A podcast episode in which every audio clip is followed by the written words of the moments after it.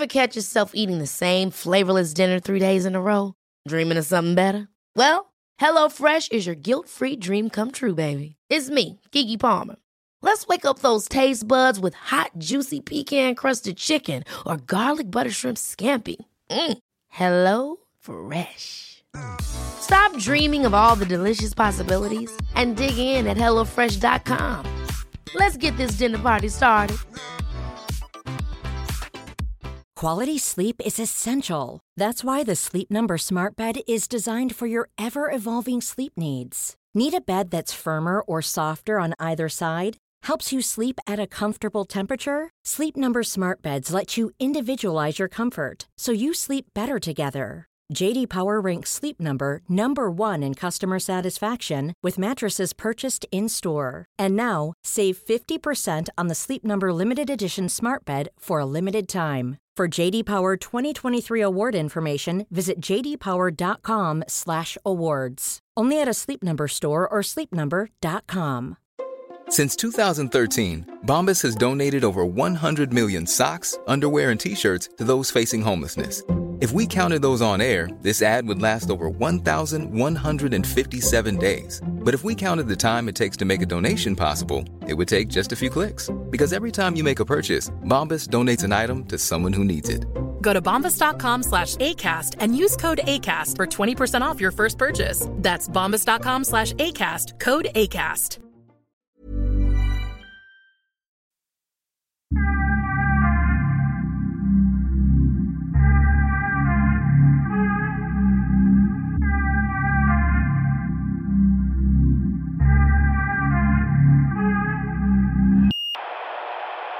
När, jag, när man googlar på ditt namn, det är nio av tio som kommer fram med Greta. Ja, Typ. Varför, men varför är det så? eh, delvis säger det lite grann vad du brukar googla på, för Google är ju olika svar beroende på vem man är och var man googlar. Nej, men, googlar det, samma sak, verkar som. men, men, men oavsett var det är så tror jag det dyker upp någon form av koppling mellan mig och Greta. Nej, men bakgrunden kring det är att jag var en av de första som eh, eh, började sprida vad hon gjorde helt enkelt. Du Och, grundade Greta. Vissa säger det. Ja, Eh, många säger det. Jag vill inte direkt på, det, är svårt att grunda en annan person, men däremot så, eh, jag hjälpte henne att eh, bli känd utanför Sverige. Hur gjorde du det? Ja, jag är ganska trött på att prata om den här Jag historien. fattar, jag Eh, fattar. Jag fattar, Ja. men Men, men den Men kör. korta I och med historien. att den kommer fram det första gången man Ja, googlar visst, så måste exakt, man ju precis. svara på den. Eh, Men den, den korta historien är att jag fick ett eh, tips om att utanför riksdagen kommer det att ske någon form av klimatdemonstration. Och det där tyckte jag var intressant, så därför så gick jag dit. Eh, Jag förväntade mig att det kanske skulle stå ett gäng, eh, ett gäng eh, ja, men lite arga demonstranter, kanske några vuxna, och, ja, men det som man brukar se. Men det var inte alls det jag såg, utan det enda som fanns där, det var Greta som satt helt själv.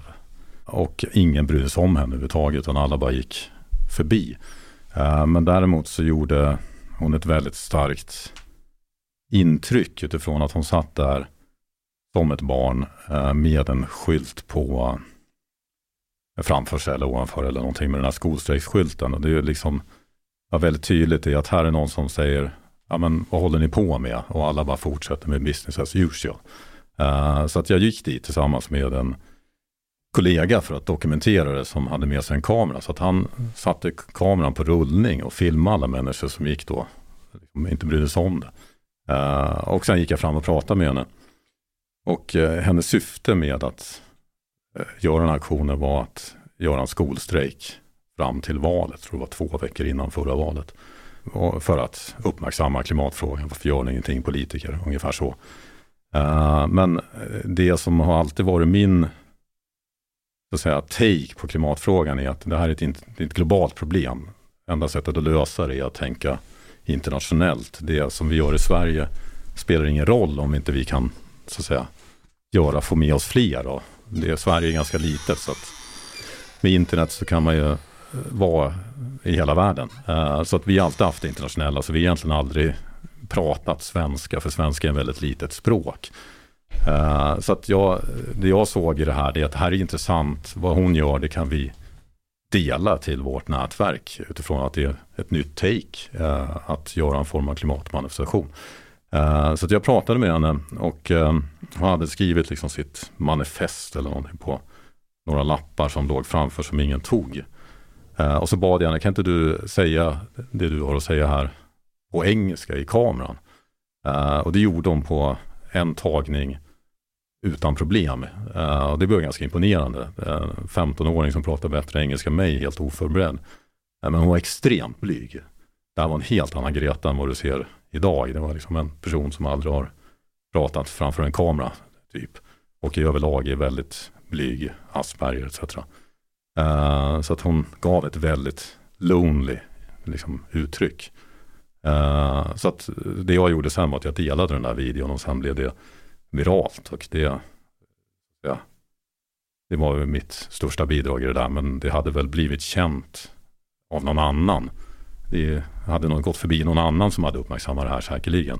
Men det som kanske var unikt med mig var att vi har det här internationella perspektivet och det Greta gjorde var en tidpunkt där världen väntade på att någon skulle sätta ner foten. Världen behövde en annan, liksom en sorts talesperson för den här frågan. För att vi är ganska dåliga på att ta ett problem som är opersonligt. Så att där fyllde Greta en funktion. Och jag är ganska övertygad om att hade inte Greta gjort det hon gjorde så tror jag att vi hade fått någon annan liknande någon annanstans. But, but I have a question though, like uh, when it comes to Greta, do, do you think like uh, the Greta phenomena achieved what it it, it like uh, set out to achieve. It definitely got attention, but did it translate to any kind of like practical measures on the ground?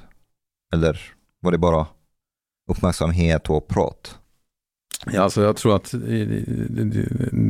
det, som jag, får vi fråga Greta, men det jag upplever i syftet och det även jag själv jobbade väldigt mycket med när jag lämnade min karriär i finansbranschen och startade We Don't Have Time, det var att det var en extrem kunskapslucka mellan eh, hur att klimatkrisen faktiskt äger rum här och nu. Det är inget avlägset problem om 30 år i framtiden. Och diskursen bland liksom hållbarhetschefer och alla som jobbar med hållbarhet är att om du sa hur illa det var, då ansågs det alarmistiskt det var korrekt men det skulle skrämma iväg folk om det gjorde det. Så därför så, så sa man inte hur illa det var. Och det vaggade in allmänheten i en trygghet. Eh, man liksom självcensurerade sig inom hållbarhetsvärlden. Så det som jag gjorde väldigt mycket, Eh, det var att, jag menar hela vårt namn, We Don't Have Time, vi måste få in tidsperspektivet. Det här är nu, det är nu vi måste lösa det, det är nu problemet är. Eh, och det här är en akut kris det var någonting som vi drev väldigt mycket långt innan jag träffade Greta och Greta gjorde samma sak. Eh, så jag tror att hennes syfte och även mitt syfte var att få världen att förstå att vi, vi har en akut kris. Det här är inget distance problem och det här är mycket som sker som folk inte känner till. Uh, och där kan man ju säga att Greta verkligen har hjälpt till att driva det. Men nu är det inte så att folk inte känner till att vi har en klimatkris. Alla kanske inte agerar, alla kanske inte vill agera, men, men jag menar, the general public på hela planeten känner till att vi har en klimatkris. But, but it translate into any kind of change in policies or change in behavior really, or it's just like contributed to more acute awareness that didn't translate to any action? Alltså, um, det är väl svårt att säga vad, vad som beror, hur hade världen sett ut om, om vi inte, om vi fortfarande skulle gå runt och inte veta om klimatkrisen. Um, jag tror att om man ser klimatkrisen lite grann som att mm, planeten har fått en cancerdom.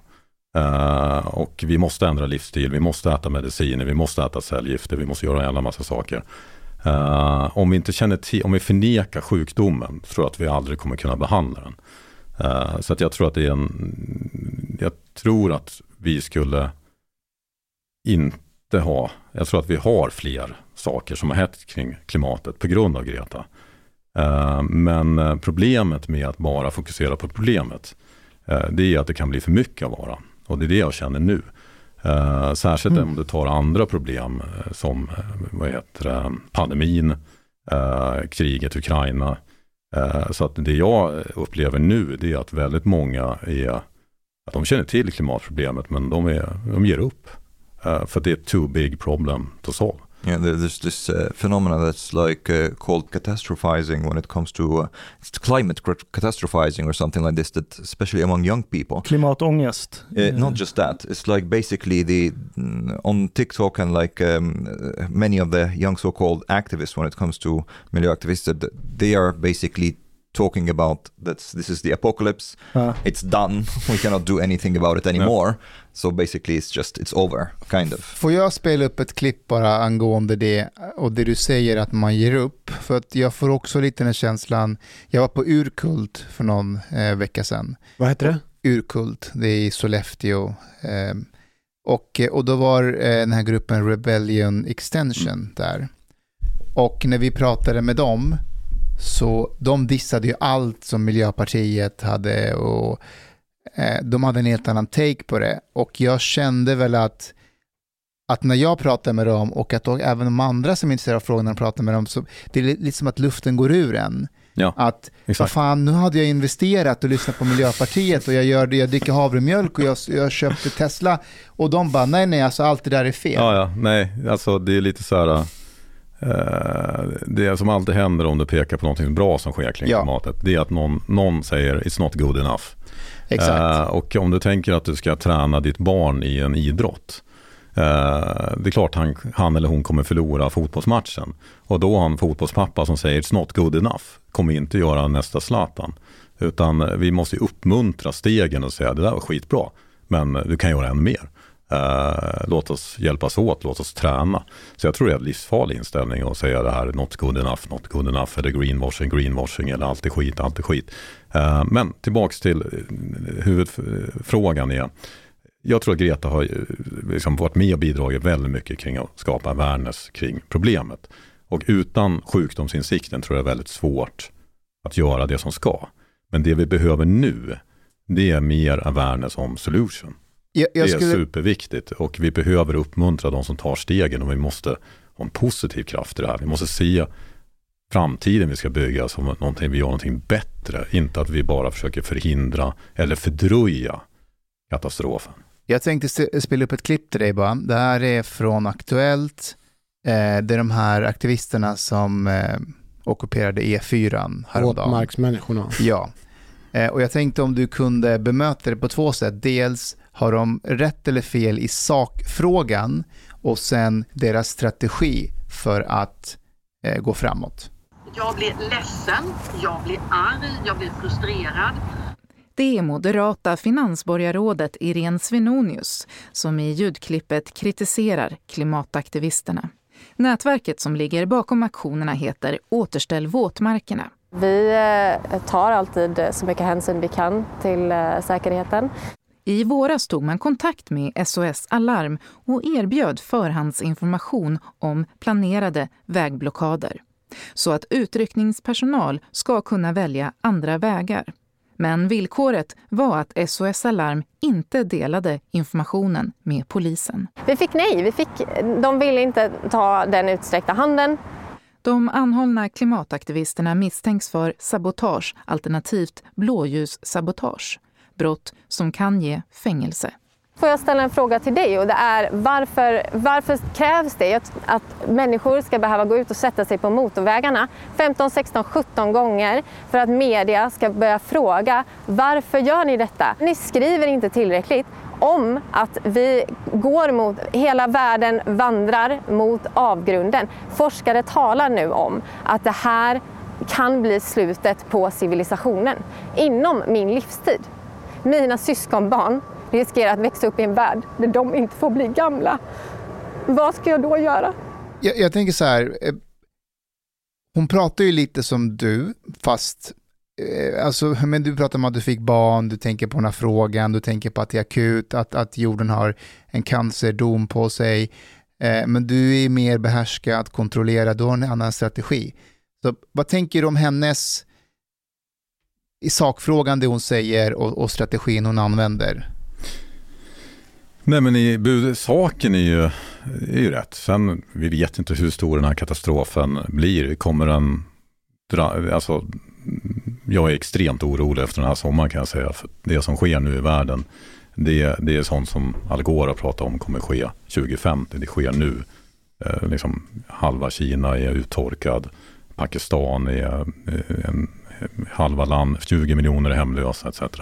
Eh, så att det, eh, jag tror vi kommer att få extremt eh, turbulent och ehm, det är nog inte klimatet som kommer döda oss men i en värld full av kris så atomvapen och arméer och diktaturer så sker det väldigt mycket obehagligt. Så det har ni ju rätt i. Att om inte vi liksom börjar agera på det här på allvar, då är vi i deep shit. Eh, som egentligen är rätt sjukt att inte alla gör det. Eh, men eh, metoden är inte riktigt den jag väljer. Jag tror att civil olydnad kan vara väldigt effektivt. Men jag förstår inte mm, strategin alls när man ger sig på vanliga människor. Det är inte de som har orsakat klimatkrisen. Det är inte liksom det, vi har liksom en, vi har oljeländer, vi har oljebolag, vi har eh, en oljelobby, vi har väldigt kraftfulla intressen som är väldigt eh, powerful. Um, det är inte vanliga medborgare som, som orsakar klimatkrisen, även om vi alla så att säga, släpper ut, men det är inte vi som är boven i dramat. Uh, så att jag tror att det vi behöver är att få med oss folk. Uh, och jag tror att det här kan göra att vi får istället mot oss folk. Känner du till eh, Lidl-paradoxen? Nej. Nej, det, det är några klimataktivister som eh, ska försöka påverka klimatfrågan och sådär och de går till eh, Coop eh, och står där och liksom har liksom demonstrerar och sådär. Så är det någon, som, någon så här civil person som går fram och frågar, alltså av alla ställen, av alla företag, varför ger ni er på Coop? Coop är ju de som verkligen har ansträngt sig. Varför ger ni inte på er på Lidl? Lidl? Vad ska vi göra i Lidl? De kommer inte lyssna en sekund på ja. oss. Är det någon som kommer kunna påverka oss? Det är de på Coop. Det är självklart att vi står här. Ja, men i det här fallet är det inte så att man ens ger sig på ett företag, utan i det här fallet ger man sig på vanliga bilpendlare och det är till och med så att man stoppar cyklister. Mm. Uh, och en, menar ambulans, jag, jag förstår inte riktigt. Even before Greta, there yeah. has been a lot of people talking about how acute the climate problem is, and quite often people are talking the, about like the, the, the point of no return is very close. Uh, och jag är ingen klimatförnek, klimatförändring förnekare, but, but like... Uh, jag är inte rasist. Ja, nej, but, men. But, ja, nej, men uh, but that's the thing. Actually, I, I don't really know. Like people talking all the time that the point of no return is close, and I have been hearing about that for the past I don't know 15 years or something. Ja. But how close is that point of no return? Is it like, and when do we get past it? Maybe it's better to get past it, so like we're. Uh. Uh, jag tror att det där är ganska, det, jag menar förmodligen rent intellektuellt så är vi förmodligen way beyond point of no return. Uh, men, uh, But why would we do anything then? Uh, exakt, men det kan vi inte veta säkert. dessutom om du tittar på hela liksom, 1900-talet, vi har levt under ett kärnvapenparaply. Det är många gånger vi varit extremt nära att det gått helt åt helvete. det, det finns två sätt att säga det. Det ena är, ja, vi är nära eller vi vet inte hur nära point of no return. Det andra är, så länge vi lever så är vi inte point of no return. Vi ska ju komma ihåg att klimatet har ju, har ju blivit, jag menar klimatförändringar, växthuseffekten är ju vi människor som har orsakat. Eh, det är den dåliga nyheten. Den bra nyheten är, det är vi människor som har orsakat det. Om vi har pajat något, då kan vi också reparera det. Och det man pratar om det är att vi nu har gått in i en helt ny tidsepok som kallas för antroposofen. Och det innebär att vi människor blir så mäktig kraft på planeten så att det är vi som påverkar planetens öde. Ja men låt oss för guds skull använda den kraften till att se till att vända den här utvecklingen. Och det jag pratar om är att det räcker inte bara om liksom att vi ska släppa ut lite mindre koldioxid. Vi behöver ju så att säga se till att återskapa och reparera den här planeten. Och behöver ett helt annat mindset. So there is, it, it, so there is no like point of no return really? As long as we're living, that's, that's for sure. Nej, det skulle jag vilja säga. Så länge du okay. lever så right. har du en chans att uh, göra någonting åt det. Sen är det så att ju längre du låter den här sjukdomen, om du kallar den cancer, gå, ju svårare blir det att uh, fixa problemet. Uh, och sen i slutändan, mänsklig civilisation kommer inte leva för evigt. Så att allting handlar ju alltid om hur lång tid vi kan preserve vår presence här om vi inte nu tror på Elon Musk kan ta oss till andra planeter. Men det, det är någonstans här jag tappar, låt oss kalla det klimatrörelsen för att förenkla det. Och då exkluderar jag Extinction Rebellion och de här riktigt hardcore människorna. Utan folk som är genuint oroade över klimatet, människor som anslöt till Greta, den foran. Eh, och, och liksom jag, jag har inga problem med att se diagnosen här. Eh, att okej, okay, människor har dragit ut miljontals år av dinosauriesaft ur jordskorpan och bara pff, kastat ut i atmosfären. Bevisligen kommer det ha konsekvenser. Eh, det är en no-brainer för mig. Det, det, där har jag ingen issue. Eh, men däremot, ja, men till exempel att vi kallar det för en sjukdom på planeten. Och hur jag än vrider och vänder på det så börjar det här låta religiöst. För att planeten är fine. Alltså jordklotet kommer ju existera långt, långt efter att vi människor har varit på den här planeten. Om inte det kommer någon asteroid och spränger upp allting såklart. Jordklotet är fine. Jorden är inte sjuk. Jorden har ju fått utstå alla möjliga olika klimatförändringar genom sin eh, mångåriga historia. Och visst, den här gången är det människors aktiviteter som har triggat igång en klimatförändring. Absolut. Men jorden är inte sjuk. Så redan där tror jag att man tappar väldigt många människor när man säger att jorden har en cancer. But isn't this like kind of a semantics thing? Because I think when I hear this at least, mm. I, I understand that they mean that the that the ecology is what's in danger. You know, that the current ecology, not that the earth itself is going to like... Ja, ah, okej. Okay. Jo, jag förstår det. Ja. Men för det första finns det inget som heter current ecology. För att jorden är inte statisk. Det är ingenting i universum som är statiskt. Så ekologin på jorden har hela tiden varit under konstant förändring. Så att djurarter kommer och dör, det är inte nytt. Mm. Korrekt? Nej, men du kan väl säga så här, jag förstår, det, har ju, det du säger är korrekt. Jorden kommer ju fortsätta existera och även om vi noll, eh, mer eller mindre på väg att nollställa biologisk mångfald eh, så kommer vi med stor sannolikhet att kunna återskapa, eller inte vi, men jorden kommer att lyckas återskapa. Ja, den kommer ju skaka av livet. oss som en liten fluga.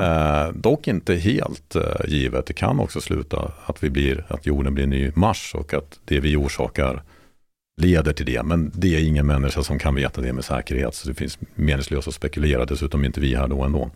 Eh, och förr eller senare kommer ju solen sluka jorden. Så att, eh, jag vet inte om jag blir glad om jorden kommer existera utan mänskligheten så mycket ändå. Men, men det jag kan säga med cancerliknelsen det är att det, det är ju för att eh, visa på att vi, vi, vi behöver åtgärda den här ohälsosamma beteendet vi har. Och eh, du kan väl säga så här, klimatet, det stabila klimatet har fått en cancerdom. Eh, det hade nog inte varit för evigt utan mänsklighetens ingripande, men med vårt ingripande så, så är det väldigt eh, mörkt att det stabila klimatet kommer att fortgå. Vi håller på att sabotera det. Och det stabila klimatet är förutsättningen för mänsklig civilisation. Vi har haft mänsklig civilisation lika länge som vi har haft ett stabilt klimat. Det är väldigt svårt att ha en civilisation där, du inte, där det är kaos. Uh, vi kanske kan klara det i, i en väldigt liten del av världen någonstans. Uh, men det är väldigt svårt att ha, jag menar det kommer vara en väldigt tuff period om vi förlorar det stabila klimatet. But this has happened historically though. Ja, men då har vi inte riktigt haft mänsklig civilisation. Så uh, Nej, but I mean like, no, no, we haven't. Jag är ingen, we... Eh, jag, är ingen, jag, jag bryr mig om den mänskliga civilisationen. Det är, mm. jag, det jag brinner för. Att, ja, ja, men du behöver stabilitet för att hinna upprätta en civilisation, absolut. För det är väldigt många processer som måste ske för att civilisation ska uppstå. Då har du inte råd med massa brutala klimatförändringar. Nej. Däremot vet vi inte om en mänsklig civilisation när den väl är upprättad, hur väl den kan klara av en faktisk klimatkris. Men, men att jag kritiserar ordvalet här, jag vet att det låter som semantik, men min poäng är att när man säger att jorden är sjuk så implikerar man också att det är någonting som behöver räddas. Och så fort man implikerar att någonting behöver räddas så är det en viss typ av psyke man börjar attrahera till sig. Mm. Människor som älskar att rädda någonting.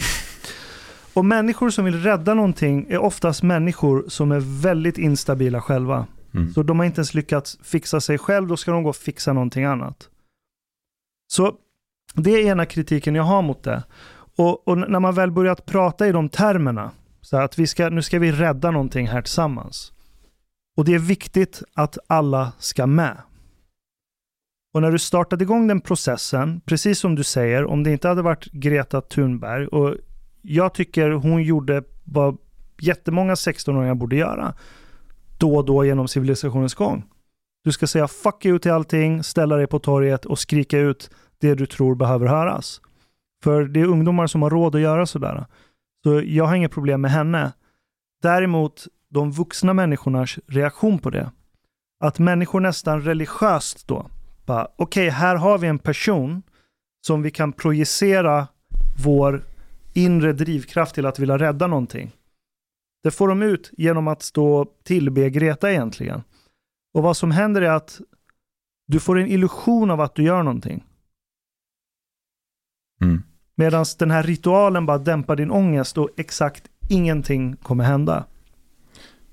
Och har du något förslag på hur man ska kommunicera det här om man inte kommunicerar det som någonting att rädda?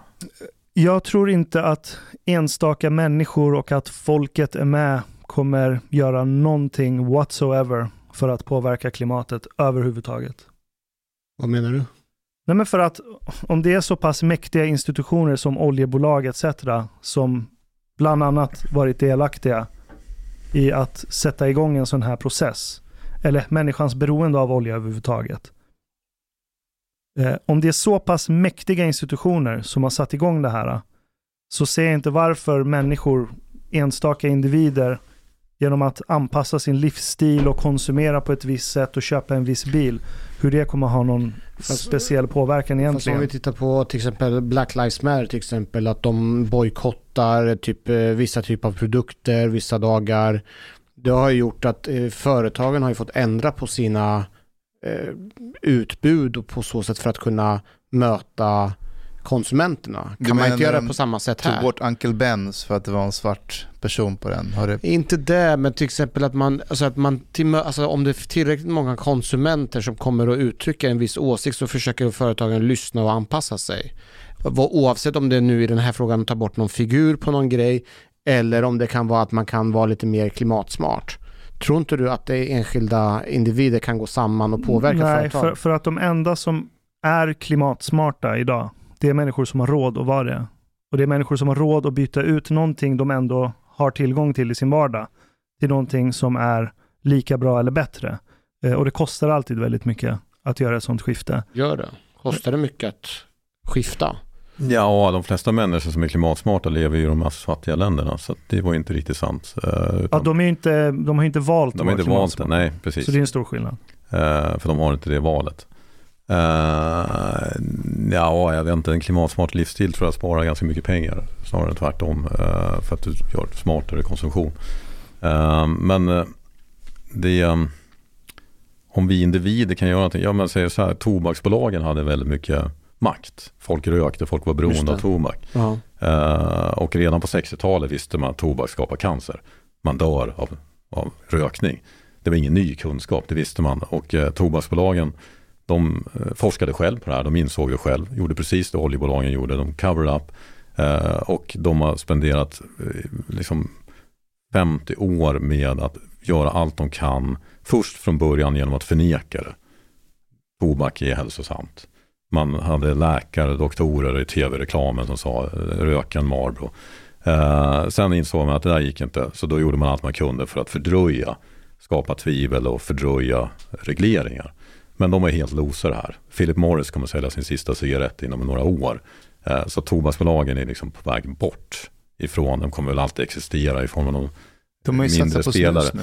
Ja, precis. Men jag menar, det är inte en business som är på frammarsch. Det är inte en växande sektor och folk eh, i, på de flesta ställen i världen röker inte mer. Vi röker mindre. Um, och um, det som, vad är det då som krävdes för att vinna det? Ja, det krävs ju såklart att vi individer slutar röka. Uh, och det krävs skillnader, förändring i attityder, men det krävs också lagstiftning och allt det här sam samverkar. But, but, but, that's different though. That's like when, when it comes to tobacco industry, it's uh, don't think it's a good example because when it comes to tobacco, it's much more personal and much more direct. You know, like you are saying, like if you smoke, you will get cancer. Mm. So this is something during your lifetime, and it's a very personal and direct thing. But if you say, well, it's possible that if you eat more meat and don't drive electric car, there is a possibility it's maybe likely even that your grandchildren might live in a climate that's not sustainable. You'd be like, oh, yeah, I will just still eat the meat kind of. Men Alltså, håller det är ni med i Ashkans påstående att inte människor att kan gå samman och påverka stora företag? Det finns inget exempel i världshistorien där människor frivilligt har sänkt sin levnadsstandard. Och, och, och, och när jag tänker så här att om Men människor... vem pratar om att det ska sänka din levnadsstandard? Det har inte jag pratat om. Jag pratar om att vi behöver eh, gå från, vi behöver lämna oljesamhället bakom oss. Där är jag med dig. Eh, och det är fullt möjligt och det är redan på väg. Jag Att säga att vi, flyga vi är, att vi har ett krig i världen nu har att göra med det. Men, Det har men att hur göra lämnar med vi oljesamhället nu? Innan, innan kriget, innan Ryssland som är en av världens största eh, producenter av olja, det är deras absolut största intäkt. Utan olja, kol och gas funkar inte ryska ekonomin. Eh, Då var de flesta oljebolag på väg ned. Efterfrågan dök, och man hade gigantiskt stora problem. Och jämför du en aktieportfölj med, eh, med eh, oljeaktier och förnyelsebart så pratar vi om att förnyelsebart eh, performar 500% plus. Oljeaktier gick back 15%. Det här var i perioden innan Ryssland började vapenskramla. Så fort Ryssland började vapenskramla stiger oljepriset och idag så gör oljebolagen record profit. Men det där är inte hållbart. Vi är på väg att lämna förnyelsebart och grön eh, energi etc. är billigare och det kom, marknadskrafterna kommer göra att det här skiftar. Eh, så det enda oljeintressen kan göra är att fördröja den här omställningen. Och problemet här det är att vi har inte tid att låta det här ske så som det gjorde med tobaksbolagen. Vi har inte 50 år, vi har inte den tidshorisonten. Eh, så vi måste se till att det här sker snabbare. Och där kan vi människor självklart spela en roll. Det spelar jättestor roll vad vi handlar, vilket, hur vi rustar, vilket företag jobbar vi för? Jobbar jag i oljebranschen eller ska jag gå och jobba för ett företag som jobbar med gröna, som ställer om? Eh, alla våra val spelar roll. Hur vi pratar, vilka attityder vi har. Är det acceptabelt att ha ett form av beteende eller inte? Allt det här spelar roll. Eh, Men liksom, om, om, du, om du bor i ett område där du är beroende av en bil, du jobbar på ett bolag som sätter mat på bordet för din familj, och ni har några barn hemma eh, och ni måste ha två, tre bilar igång för att få hushållet att funka. Och det finns inget alternativ för dig att liksom välja och vraka mellan olika yrken. På vilket sätt Nej, ska en sån alla, alla, person... har ju inte, alltså alla har olika förutsättningar att, att förändra sig. Men alla kan göra någonting och ehm, de som kan göra mest är ju personer som har mycket kapital, mycket tillgångar, mycket möjligheter. Eh, och det är de personerna som väldigt många ser upp till, så det spelar extremt stor roll eh, vad du gör om du är en framgångsrik person, om du har en plattform eller om du har en hög inkomst etc. Jag ser en parallell, eh, rätta mig om jag har fel, men du jobbar med det du gör med klimat och försöker påverka det och samtidigt så tänker jag mig... Försöker han påverka klimatet? Eh, så, Jag tänker försö- sol. Ja, men påverka människors medvetenhet och sådär. Ehm, så möter du på många som är skeptiska, många som förnekar det, många som inte bryr sig om det.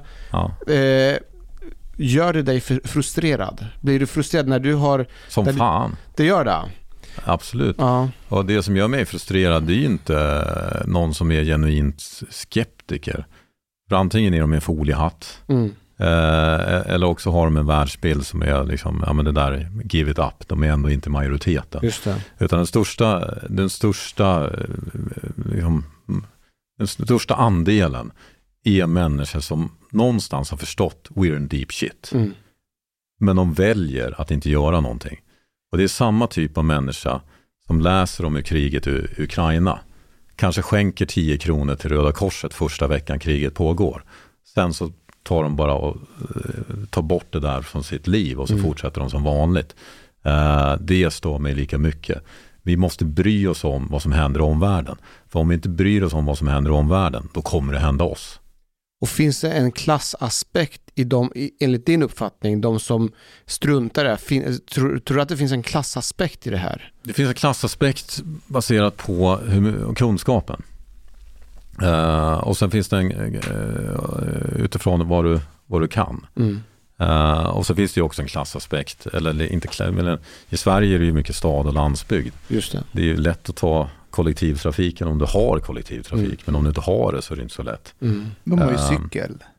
Ja, men jag, jag är uppvuxen på en gård i Norrland. Det, det, ja, det tog ett tag att cykla om man säger så. Okay. Uh, Elcykel. Så att du har ju, det fanns inte elcykel på den tiden. Men okay. ja, det, skulle, det skulle faktiskt vara en ganska bra eh, grej idag. Men det är lite tråkigt att cykla när det är minus 20 grader. Och, ja. uh, men ja, det, jo, det som stör mig mest det är ju att de personer som har väldigt mycket resurser lever som att de står ovanför och kan skita i det här. Och om man då tittar på Ja, men ta Elon Musk exempelvis. Eh, han tar ju privatjetten för att flyga förbi bilköer. Um, han är inte värst bland miljonärer, miljardärerna, men han är inte en av de bättre. But we don't have time. Och eh, då kan man ju tänka så, kommer Elon Musk privatjet vara det som gör att vi når det där point of no return? Nej, det kommer inte vara det, för så mycket släpper han inte ut som individ. Men ledare får ju följare, vi ser upp till ledare. Och om vi har då en vd för en stor koncern som gör massa bra i sitt arbete och så går den vdn hem och lever på ett helt annat sätt. Då lyssnar vi inte på det. Det är som en förälder som säger till sitt barn, du ska leva så här. Men själv lever inte föräldern på det här. Men barn kopierar beteenden. Jag såg jättemycket upp till Annika Strandhäll som klimatminister, tills jag såg att hon har spenderat 400 000 på taxi.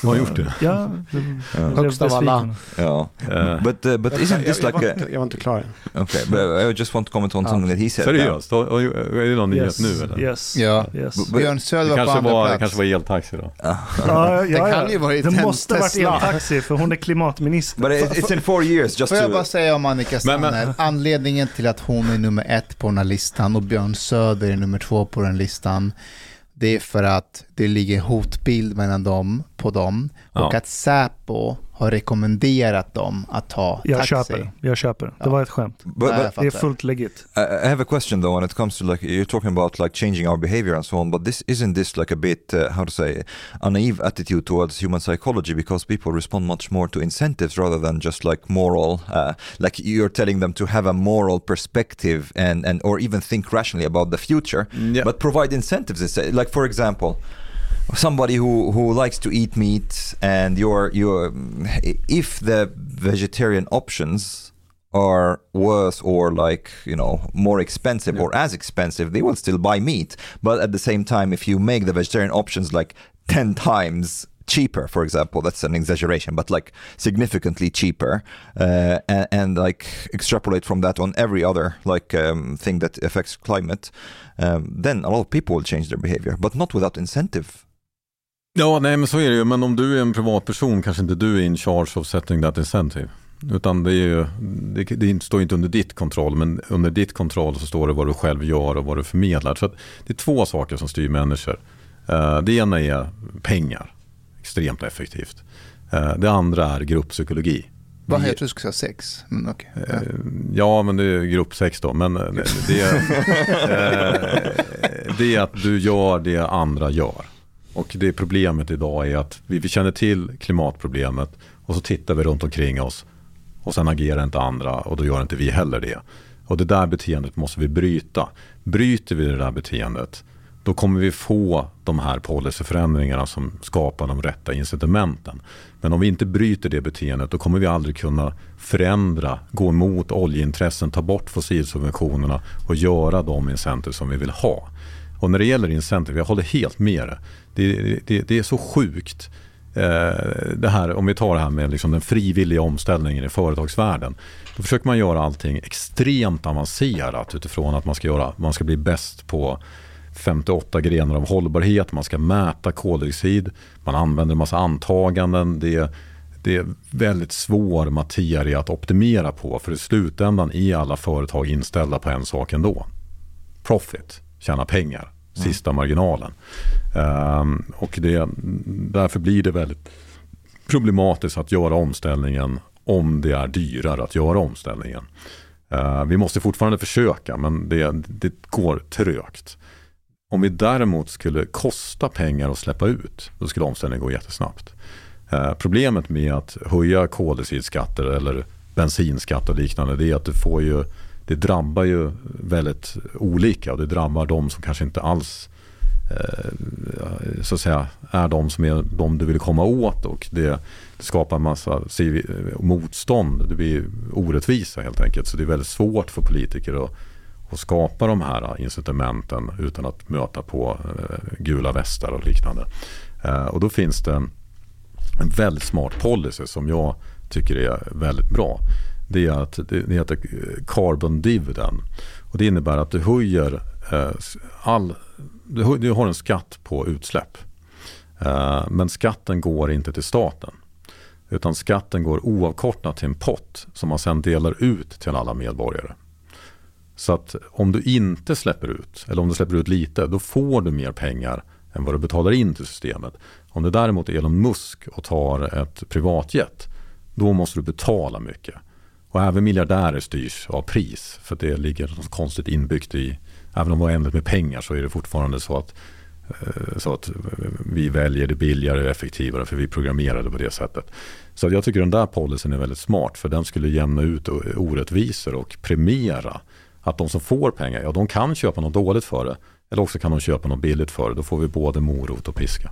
Men, är, är och vi bygger inte en större ineffektiv stat som vill lägga rabarber på de här pengarna och göra någonting de tycker är kul. Så jag, jag är skeptisk här också, för det, det, det, du beskriver nu, jag förstår intentionen, men det, det påminner om nudging. Det är väl en sorts nudging?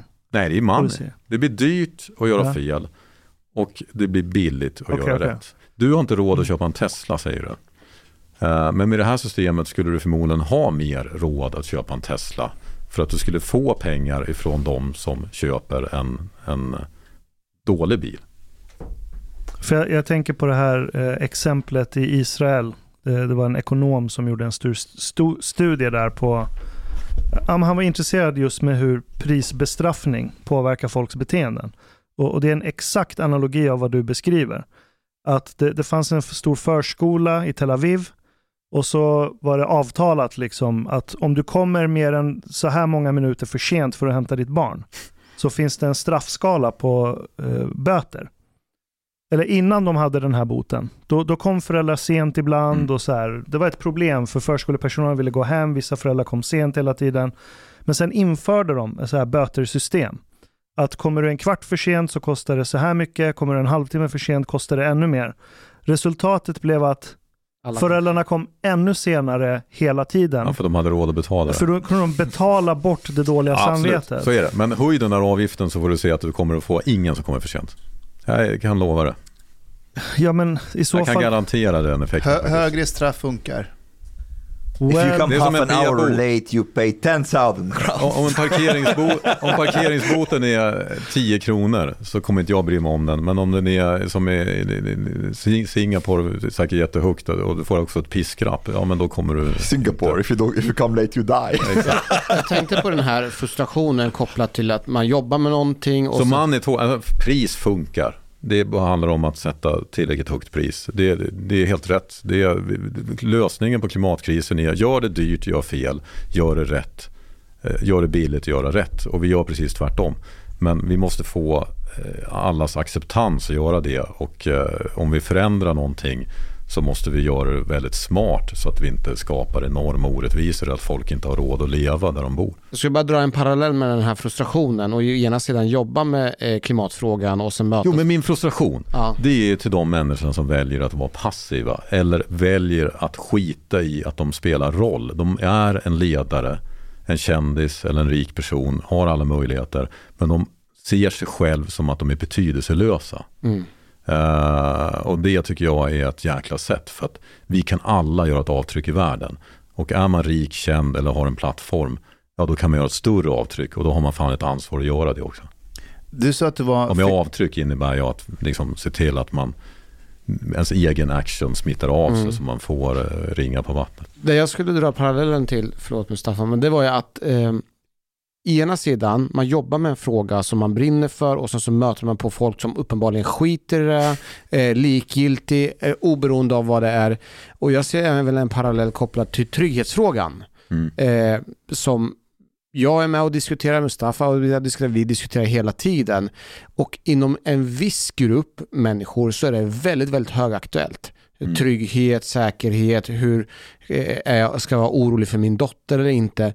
Sen så finns det klassaspekt av det eller vissa kategorier människor som jag träffar som helt och hållet är ointresserade av den här frågan. Se, eh, hänger ni med på? Jag vet precis vad jag, det var det jag tänkte ta upp också.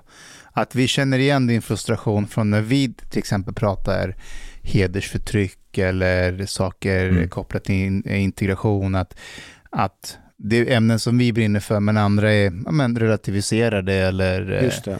inte bryr sig om det. Det eller- förminskar problemet och Ja. då, går det, då försvinner det. Moraliserar det. Och då är min fråga lite grann så här. Hur kan man lösa det här så att fler kan i, i Ja. engagera sig i den här frågan? För att alla har ju uppenbarligen Genom inte att råd. inte vara så jävla dummande när folk har en annan åsikt tror jag. Eh, för att det är för mycket polarisering. Men ja, det är intressant att du tog upp det där. För jag åkte faktiskt tunnelbana häromdagen. Jag, jag åker faktiskt inte så mycket tunnelbana sedan åker pandemin. Nej, jag kör elcykel. Jag tycker det är en helt fantastisk uppfinning. Eh, för det är det mest effektiva, förutom när det regnar eller det jag fråga var, vart du bor Nej, någonstans? jag bor skitnära jobbet, så jag har Ja. tio minuter med cykel. Eh, Men jag bor 500 meter till tunnelbanestationen. Okej. Jag var helt beroende av din elcykel. Skitsamma, jag åkte tunnelbana häromdagen. Um, och jag åker bil också. Eh, men det var inte poängen. Poängen var att där var en reklamkampanj från Sverigedemokraterna. Eh, som det var flera sådana affischer och så stod det Vem var ditt Jimmy moment? Jag vet inte om ni har Just sett det. Ja, just det. Ja. Eh, och, och sen var det då en massa nyheter och så blev det bara värre och värre tills att någon sexåring blev skjuten någon gängkriminalitet eller liknande. Och min reflektion var ju så här, shit, det här skulle kunna vara en reklamkampanj från, från We Don't Have Time där det står When is your Greta moment or Al Gore moment och what the fuck, samma grej. För det är ju precis det jag upplever, att det blir bara värre och värre. Och det blir värre, det är inte bara det att det så att säga, är en filterbubbla utan klimathändelser blir värre. Och när du tar brottsligheten i Sverige, integrationsproblemen, så blir det värre. Uh, och uh, många politiker som då inte ser de här som sina hjärtefrågor, eh, de svarar på det genom att säga nej men det är, inget, det, det, det är ingenting som, det får inte oroa dig. Eh, det var bara ett undantag. Men det är ju fan helt sjukt hur vi kan ha liksom, skjutningar i, i, jag vet inte, är det dagligen eller veckovis? Mm, ungefär 47-48 mord har vi i år tror jag. Ja men det är helt bisarrt. Mm. Och jag menar Donald Trump när han, när han gick ut och sa eh, What's happening in Sweden, det fanns ju liksom en, en det var ju inte helt taget i luften. Då var det inte riktigt så illa som Nej det var det. Men, men, men, han, men The samma, samma med Tyskland och, och gasen, han hade en poäng om man säger Ja. så. Uh, och jag menar, jag vi är en måste, missförstådd profet. det, det, vi blir inte av med de här problemen om vi, om vi ignorerar dem. Eh, och vi kan inte se det som att det är okej. Det är inte okej att världens tredje största flod torkar ut. Det är inte okej att någon blir skjuten i en utanförskapsområde eller ett annat område i Stockholm. Det är inte okej. Vi måste vända den utvecklingen. Är, är det Och det så? konstiga här är att det är ju det är väldigt märkligt då att det här är ju väldigt lika. Men ändå har du SD som det största klimatförnekarpartiet. Det där är ju väldigt... Förnekar de klimaten? Ja, Klimat- mer- omställning. Eller, nej, men nej det gör de inte. Men, det men de, har, de har en obefintlig klimatpolitik, så kan man säga. Kan. En sak jag inte förstår. De Om, på om samma man, sätt som om du tar eh, politiker på vänsterskalan som minimerar de här problemen. Mm. Så minimerar SD klimatproblemen. But at the same time, though, like they, they say that, uh, well, since it's a global problem, uh, it requires global solutions, and what we can do most is actually invest in like big countries that like China and India. Jo, men det är lite samma. Jo, men det är... Uh, One can say that's actually that's even better. Det är ju samma lösning, man hjälper i närområdet. Närområdet. om man är en Sverigevän Ja. och bryr sig om nationen Mm. som nationalistiska partier gör, Mm. Varför bryr man sig inte om klimatet? Nej, det är helt obegripligt. Vi kommer få enorma flyktingströmmar. Vi, det, kommer inte gå, det kan inte sätta upp en mur mot de flyktingströmmar vi kommer få om klimatet eskalerar och, som det ser ut att göra. Um, jag vet inte. Man är, det är en väldigt bra fråga. Det, och det är ju så i många länder, inte bara Sverige, men det har blivit det här höger, vänster, låst, polariserat. Um, jag tycker det är en väldigt bra fråga att finna. Jag har inte svaret på det. Men har inte det med att göra att man ser För att jag menar, om natur... klimatförändringen är enormt hot mot nationer. Jo, men man kan hot Om man älskar naturen. Jo, men man kanske inte, jo, på den punkten är det sant, men den här med eh, alltså flyktingströmmar, det- jag, jag tror inte man naturligt tänker att de behöver komma hit till Sverige för att det sker en klimatkris, utan man tänker med olika typer av instrument att eh, minska bidrag och det ska eh, Jo, men det göra ju- så att folk inte kommer Men, men jag menar, klimatförändringen kommer ju påverka Sverige och gör det redan idag på alla andra fronter. Allt från energikris, matkris. Du kommer få se så många effekter som gör att det är väldigt svårt att längta tillbaks. Det kommer vara lätt att längta tillbaks till Sverige en gång var, men det kommer aldrig bli detsamma. Tänk om Gotland skulle vara den nya Mallorca. Ja. Maybe that's. Ja, men alltså, Åland blir nya Ibiza.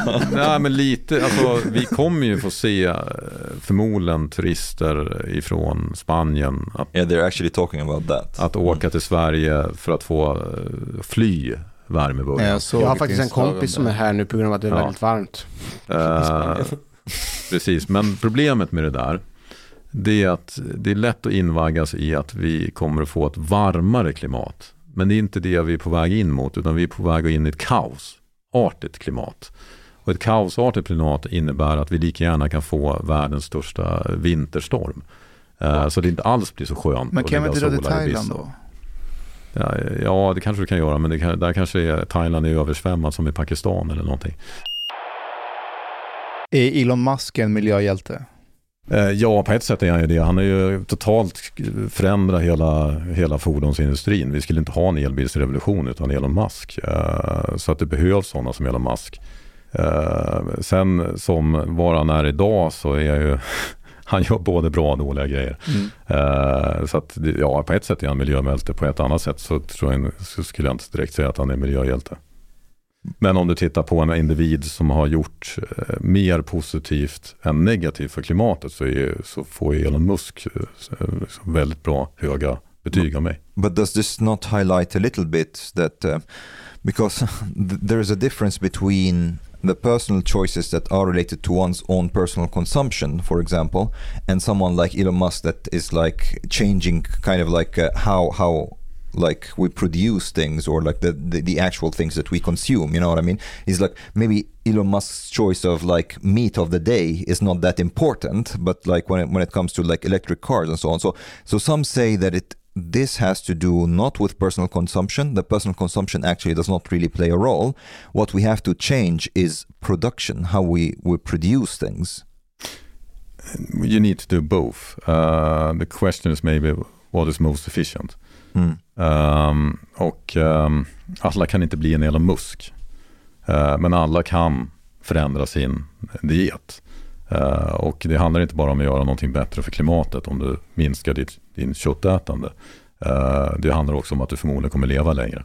Uh, det, äter du klimatsmart så men det är ju inte bra för miljön om jag lever längre. nej, Men vadå, på riktigt? Det beror på om du lever klimatsmart. men det kanske är bra för dig. Så att det, det finns ju många andra effekter jag tror inte man måste liksom lyfta fram dem. Ta en elbil exempelvis. Jag har en elbil, den är sjukt roligare att köra, sjukt billigare. Varför ska jag inte ha en elbil? Varför ska jag ha en gammal teknik när det finns ny teknik? Alltså jag skulle lätt köpt en Tesla om jag hade haft råd med den. Jag hade sprungit och köpt den.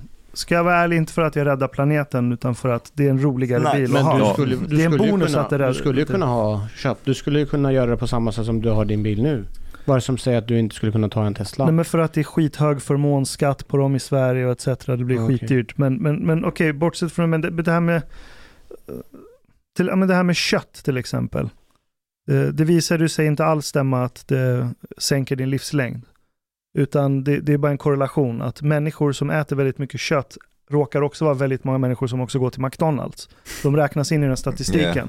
Och människor som går till McDonalds har väldigt ofta har andra livsstils problem. Meat and saturated fat is good, like especially if you don't have like a, a, high carb diet. Ja, Mm. Eh, och, och liksom det här med ekologiska varor som vi har hållit på med väldigt länge. Det finns jättemånga analyser som visar att liksom, det vi sänker i klimatavtryck i ena änden av ekvationen måste vi ändå kompensera för på andra sidan. Eh, Och det var ju den skiten Oatly fick. När det visade sig att det är ett eh, viktig ingrediens de har som de skeppar ända från Kina. Och du känner ju till alla de här exemplen. Eh, Och, och, och det som oroar mig, det är att jag ser det här som ett problem. Jag ser det inte lika akut som väldigt många högljudda aktivister får att låta. Då menar inte jag dig, utan jag menar ja, men folk som, vad heter den här eh, kongressledamoten i USA, AOC, Ocasio-Cortez, ja. som har skitstor följarskala globalt. Som hon sitter och säger att vi har åtta år kvar, sen är det kört. Och så sitter jag och läser FNs klimatpanels själva rapport som är ja, men det bästa du kan komma åt egentligen för att få en samlad bild. Den ligger på 3900 sidor eller någonting. Och så tittar du på alla scenarios de har målat upp. Och ja, de har två, 20 000 scenarios, de har filtrerat ut ungefär 10 stycken de här RCP med olika siffror. Och två av de scenarierna innebär väldigt dystra utsikter. Inom hur lång tid? Eh, jag kommer inte ihåg inom hur lång tid, men det är inte inom åtta år. Det är, liksom, det är långa tidsförlopp, kanske inom hundra år. Och de själva säger att sannolikheten för de här katastrofscenarierna, de är väldigt, väldigt låga. Det här är inte vad vi utgår ifrån. Och sen om du tittar vad de där scenarierna innebär. Ja, det innebär att hundra miljontals människor kommer kanske behöva gå på flykt. Och jättemånga av dem kommer behöva dö. Det kommer bli masstorka. Det kommer bli svält. Djurarter kommer dö. Men civilisationen har fortfarande inte gått under. Nej, men det vi ser ju nu eh, känns världen bra. Nej, jag vill inte att 100 miljoner pers ska behöva fly för att de lider av torka. det är Alltså, inte min poäng. Jag tror vi, vi kommer ju dö av liksom, civil, att våra samhällen börjar krackelera långt innan vi börjar krackelera på grund av klimatförändringar. Det det är en extrem stress på samhället. Eh, så att det I form av? I form av att om människor inte kan bo, om människor flyr, det blir flyktingströmmar, du har väpnade konflikter, det, det blir, det, du sätter ju stress på hela samhället. Om jag får vara djävulens advokat, är det inte så mänskligheten har sett ut historiskt sett hela tiden? Alltså att fly och krig och... Jo, men vi klarar ju, alltså vi är ju resilienta, vi klarar ju, om du tar liksom invandringen, vi klarar ju att det kommer hit, eh, liksom, så att vi hinner acklimatisera sig, hinner assimilera, men blir det en chock, då får du ju stora sociala problem. Mm. Eh, Som vi har typ lite nu. Eller? Som vi har lite nu. Eh, jag ska inte säga att det bara beror på klimatet, men klimatet kommer för, förvärra alla de här problemen. Och det, du kan göra en massa saker för att förbättra det. Men Kan man, The inte sea peoples få, are coming. kan man inte få de som är emot, de som är, förnekar klimatförändringar att säga att om, om ni kämpar för det annars så kommer muslimerna komma hit och islam Ja, men jag tror det är lite fel ingångsvinkel. För det är Man lite måste ju samma, det är vinna lite dem. samma så här. Vi har inte Chang här, därför så det, letar jag tror att man ska Chang. se det utifrån att inte vad man är rädd för ska hända om vi misslyckas. Du har inte en företagsledare som säger till sin personal, om ni inte jobbar järnet nu så kommer alla bli av med jobbet. Du har en, framgångsrik företagsledare säger, det här är visionen. Vi ska bygga världens mest framgångsrika företag på det här. Nu I, kör Sverige, vi I järnet. Sverige ja, men Steve Jobs och eh, vad heter han, Microsoft-snubben, de bara... Jo, men de kan väl säga om ni inte gör som jag säger, då får ni sparken. Ja, Det- exakt. Men, men jag menar, fokusen är ju vad vi ska åstadkomma. Vi ska bygga någonting fantastiskt. Och klimatomställningen är inte ett hot, det är en möjlighet. Eh, Sverige har möjlighet att, vi har ett sjukt bra varumärke utomlands när det kommer till klimatfrågan. Eh, och inte bara på grund av Greta utan på grund av att vi har mycket innovationskraft, vi ligger långt framme. Eh, vi har möjlighet att positionera oss och bli ett framgångsland. Eh, det finns hur mycket industrier som helst som kommer bli vinnare på den här omställningen. Vi måste se till att vi främjar de som gör rätt och de som utvecklar saker. Folk kommer inte vilja köpa stål som släpper ut. Sverige är det första landet i världen där vi framställt fossilfritt stål. SSAB. Eh, Ja, det där Ja, hybridprojektet. precis. va? Det är liten Ja. skala, men det är ändå en först i världen. Låt oss göra det inte bara först, utan låt oss se till att hela produktionen blir det. Men om det visar sig Eh, att det finns billigare stål som är... Ja, men folk är villiga, till viss del är folk villiga att betala en premie. Det, det är hälften av världens eh, samlade BNP tillhör ett företag, en investerare eller en stad som har gått med i FNs initiativ som heter Race to Zero. Uh, och Race to Zero-initiativet, vi jobbar med dem, så vi jobbar nära med dem. Det, det gör att företag frivilligt säger att vi ska bli net zero, det vill säga vi ska sluta get off oil. Uh, vi ska sluta släppa ut och sen så är det en tidpunkt till man gör det här uh, så att man ligger i linje med Parisavtalet. Alltså att man gör det inte över en natt utan man reducerar eh, enligt vetenskapen. Eh, och det intressanta är att på bara tre år så har så pass många företag gått med i världen så det representerar hälften av världens samlade BNP. Hälften av världens samlade BNP tillhör ett företag som har net zero ambition. Eh, och de här företagen, de är grymt, det är stora, gigantiska företag. Det, det, är, det är Amazon, det är Ikea. Och det intressanta med de företagen är att när de nu ändrar sina inköpsregler så kommer de inte köpa in varor som är klimatskadliga. Så att eh, om du ska sälja till Ikea så måste du uppfylla Ikeas eh, samma hållbarhetsambitioner. Eh, så att om vi är ett land som inte hänger med i den här utvecklingen, då blir vi ett u-land som ingen vill. Jag menar visst, vi kan väl sälja Eh, våra eh, råvaror till Ryssland eller någon annan liksom, sämre stat. Men det är inte så vi bygger en framgångsrik näringsliv. Eh, så att det, här, det finns hur mycket krafter som helst som skapar förändring. Det sker sjukt mycket. Folk känner inte till det här. Och det är ett problem. Så det vi behöver göra idag, det är inte skapa awareness om att folk dör i värmeböljor. Det har vi tillräckligt mycket av ändå. Det vi behöver göra nu är att skapa awareness om att det faktiskt sker saker som är positiva. Ja, ja, ja. Men det är inte enough. Ja. Det är inte så att vi bara, ja vad skönt, det sker saker så behöver inte jag göra någonting. Så är det inte. Vi är deep shit, vi behöver åtgärda det här. Men det finns förändringssaker som sker som vi bara behöver se till att göra snabbare. Jag, jag håller med dig, tror jag, i, i det mesta när det gäller just visionen. Att okej, okay, det finns ett problem här och det är viktigt att köra försiktighetsprincipen. Så jag utgår ifrån att det här kommer ske av försiktighetsprincip. Och så ser jag visionen är att, för Sverige i alla fall, om vi kollar på Sverige, att okej, okay, vi har ett bra varumärke utomlands. Vi har en tung tekniksektor. Vi har tung industrisektor här. Vi har ett långt arv av ingenjörskap i det här landet. Eh, att göra Sverige till en testbädd för att ta fram nya lösningar för att fasa ut olja och kol. Skitbra. Jag är helt med på den biten. Men där jag hakar upp mig igen, det blir att... Okej. Okay. Du har lyssnat så här långt. På sista måltid, En mycket fin radioprogram i Sverige. Du tycker det är mycket trevligt. Men, min vän, lyssna på mig nu. Du har inte betalat bilet klubb klubzista måltid. Dom harblate grabarna dom behover pengar. Flis. Lax. Stolar. Dirabilar. Lix hotel. Duwet. Domostedu betala om du skarisnamer. Du forman gaflera wsnit okso. Pakieter biudande, helt enkelt. Les i beskrivning for avsnit, dar defins information for ad bli medlem po klubzista moltit. Det kostar somen miket liten kafe late ute potoriet. Per monat. Let somen plet. Tak, minwen.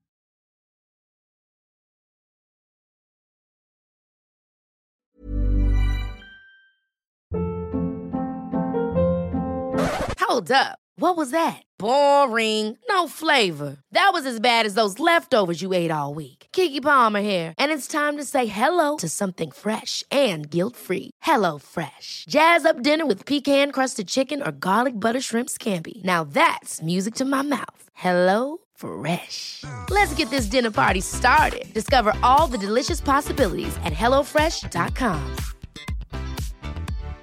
Hi, I'm Daniel, founder of Pretty Litter. Cats and cat owners deserve better than any old fashioned litter. That's why I teamed up with scientists and veterinarians to create Pretty Litter. Its innovative crystal formula has superior odor control and weighs up to 80% less than clay litter. Pretty Litter even monitors health by changing colors to help detect early signs of potential illness. It's the world's smartest kitty litter. Go to prettylitter.com and use code ACAST for 20% off your first order and a free cat toy. Terms and conditions apply. See site for details. Imagine the softest sheets you've ever felt. Now imagine them getting even softer over time. That's what you'll feel with Bowl and Branch's organic cotton sheets. In a recent customer survey, 96% replied that Bowl and Branch sheets get softer with every wash. Start getting your best night's sleep in these sheets that get softer and softer for years to come. Try their sheets with a 30-night guarantee. Plus, get 15% off your first order at bowlandbranch.com. Code BUTTERY. Exclusions apply. See site for details.